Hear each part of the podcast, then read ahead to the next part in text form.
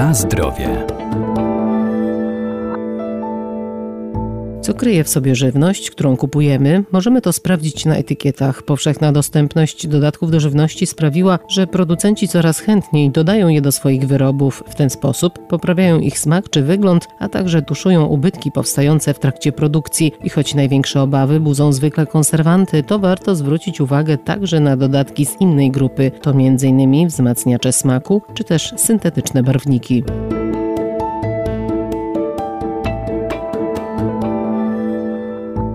Glutaminian sodu to powszechnie dodawany wzmacniacz smaku stosowany na szeroką skalę w wielu produktach spożywczych, w tym w przetworzonej żywności, w chipsach, pasztetach czy sproszkowanych zupach. Kryje się pod symbolem E621. Jedną z istotnych grup dodatków do żywności są tak zwane wzmacniacze smaku i zapachu. Doktor habilitowany nauk farmaceutycznych Zbigniew Marzec. Tutaj jest ich co najmniej kilkanaście, ale trzy takie najbardziej typowe to jest glutaminian sodowy, inozynian i guanylan. Soli potrafi być kilka, bo to nie tylko są sole sodowe, potasowe i wapniowe i ich rolą jest jak gdyby uwydatnienie smaku m.in. mięsnego, nadanie charakterystycznego posmaku na przykład zupkom chińskim, rosołom, sosom, tego typu mm, produktom, które po prostu podkreślają smak spożywanej potrawy. Co się tyczy tego pierwszego, czyli glutaminianu monosodowego, on przyszedł do nas w znaczy on był znany w Polsce oczywiście, ale kiedy na nasz rynek weszły produkty azjatyckie, w tym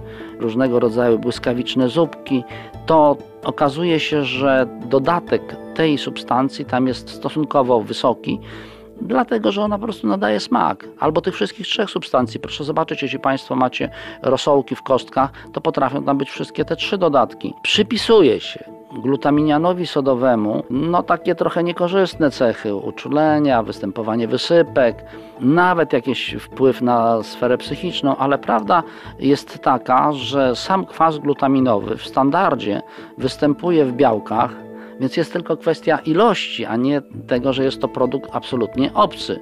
Natomiast przesadzanie z jego spożyciem, a tak jest w daniach azjatyckich, no, wiąże się z pewnym ryzykiem, zwłaszcza u niektórych osób, bardziej wrażliwych, dlatego że większość osób przy normalnym spożyciu tego typu substancji nie ma żadnych objawów i ryzyko jakichkolwiek objawów niekorzystnych dla zdrowia jest stosunkowo niskie, dlatego że te ilości są dopuszczone przez odpowiednie przepisy.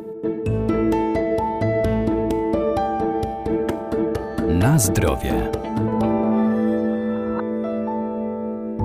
Wszystkie dodatki są dopuszczone do stosowania, ale ich nadmiar może wywoływać różne reakcje. Część z nich jest stale badana, m.in. barwniki. Jeśli chodzi o inne substancje, y, które y, możecie Państwo spotkać w produktach, a na które należałoby uważać, to już wspominałem, oni to są barwniki.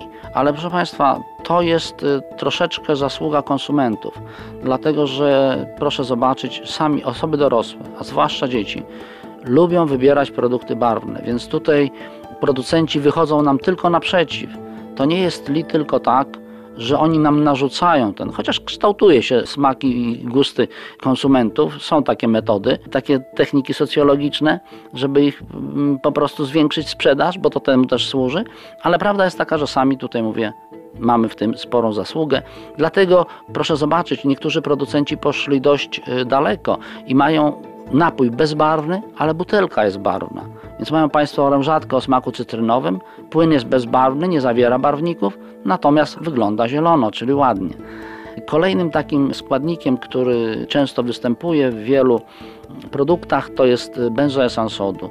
Typowy konserwant, on przedłuża trwałość produktów i jemu też się przypisuje kilka niekorzystnych cech, między innymi możliwość wystąpienia jakichś odczynów alergicznych, świądu, ewentualnie zaburzeń y, żołądkowych. Ale w standardowych ilościach, zwłaszcza osoby dorosłe, jeśli nie piją na przykład tych napojów konserwowanych benzoesanem sodu, to raczej ryzyko jakichkolwiek działań niekorzystnych jest minimalne.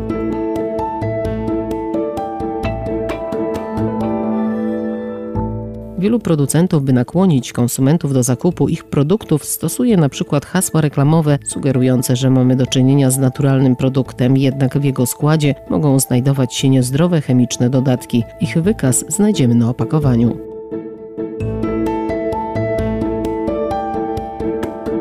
Na zdrowie.